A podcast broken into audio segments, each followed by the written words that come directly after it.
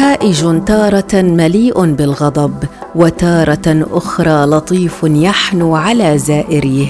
حاله حال مدينته يتأرجح بين السكون والضجيج ولكنه في كل حالاته يظل الملاذ الذي لا يغلق بابه أمام الهاربين إليه. إنه بحر غزة. الشاهد على آلاف قصص الناجين من الحروب ومن الموت. يبتلع هموم الفارين من براثن الاكتئاب ويشهد على عرق الباحثين عن لقمة العيش. يحمل رسائل العاشقين والمحبين ويضحك بنسماته ليداعب أحلام العابرين. ميل على بلدي لتشوف كيف البحر بيضحك لا لتشم تراب ساعة لا أكثر تقضيها على الشاطئ. كفيلة إنك تراقب مغيب الشمس وتقرأ ملامح مئات الوجوه اللي بتمر أمامك. اخترنا مرافقة عائلة وليد سرور في هالرحلة إلى البحر. جلسنا في استراحة متواضعة على الشاطئ مباشرة اعتاد وليد الذهاب إليها سواء مع العائلة أو مع الأصدقاء.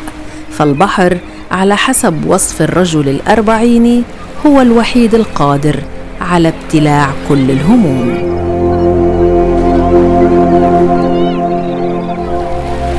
يعني إحنا خلينا نقول لك إنه إحنا اليوم في ظل الحصار اللي إحنا بنعيشه في غزة والضغوطات اللي تمارس علينا من الاحتلال مخرجنا ومتنفسنا الوحيد في هالبقعة الصغيرة هو بحر غزة.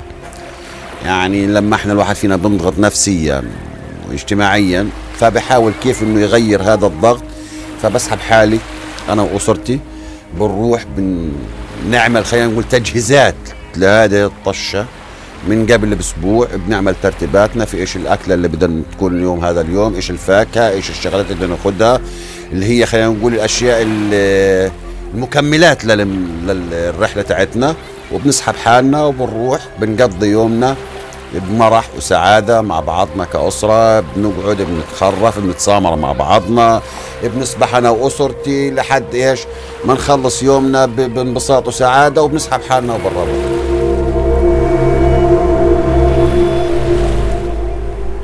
طبعا طول ما أنت جالس على شاطئ البحر لابد إنه يمر عليك كل أنواع الباعة المتجولين. إشي ببيعك تسالي وإشي ببيعك ذرة وبطاطا مشوية وإشي ببيع ألعاب البحر. وما تستغرب لو لقيت حد بيعرض عليك ملابس للبيع.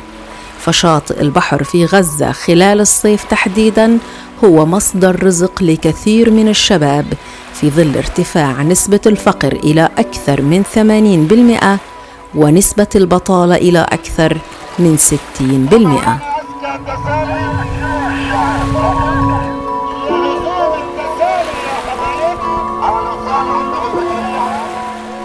وبيشهد شاطئ البحر طوال فصل الصيف إقبال غير عادي فهو ملجأ لأكثر من 2 مليون مواطن في ظل الحصار المفروض عليهم برا وجوا وبحرا منذ أكثر من 15 عاما إضافة إلى تردي الأوضاع الاقتصادية اللي بتحرمهم من الحق في السفر وحتى قلة الأماكن الترفيهية وارتفاع تكاليفها مقارنة بمستوى الدخل المحدود لغالبية المواطنين.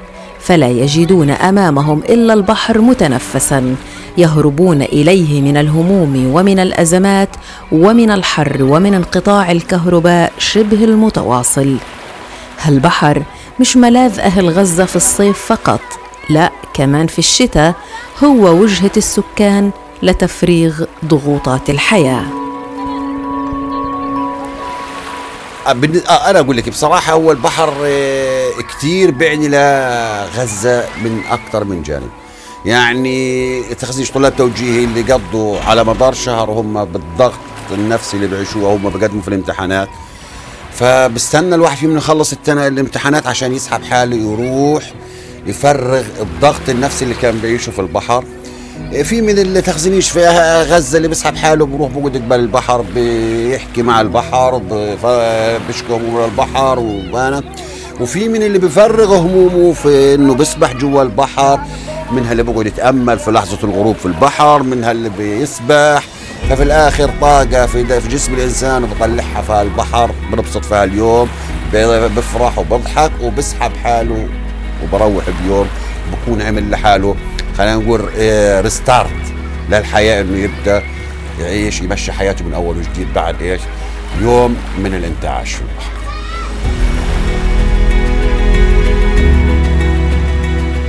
ومع صعوبة الذهاب خلال إجازة الصيف لكثير من الأماكن الترفيهية والمسابح ما كان أمام العيلة إلا أنه تترك الصغار يستمتعوا قدر الإمكان بمياه البحر الدافئة قبل المغيب خلال جلستنا مع عيلة وليد شربنا من القهوة اللي كانت زوجته ميرفت أحضرتها مع بعض الكعك من البيت. وخلال الجلسة لم يكن صعبا اختلاس النظر إلى بعض الأماكن السياحية من فنادق ومطاعم باهظة التكاليف.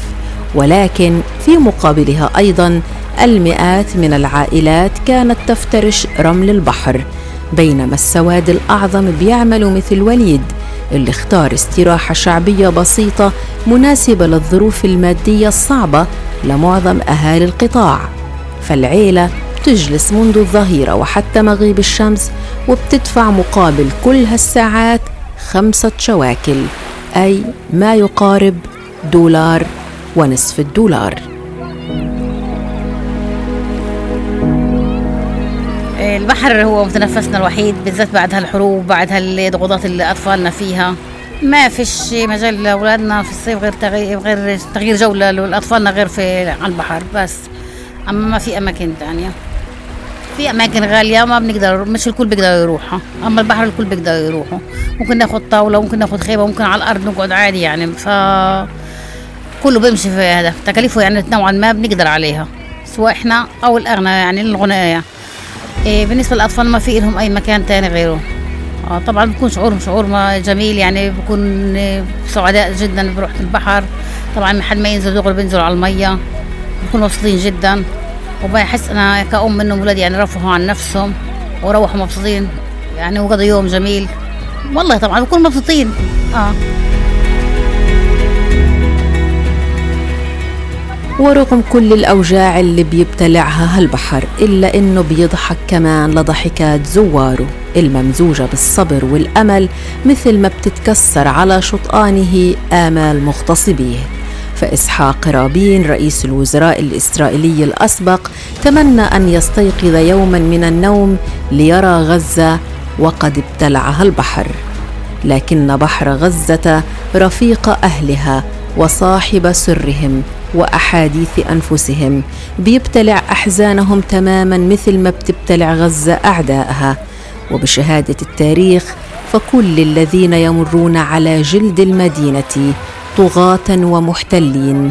لا بد وأن يفروا يوما منهزمين. وهدي يا بحر هدي طولنا في غيبتنا. ودي سلامي ودي للأرض اللي ربتنا بودكاست على حافة الحياة.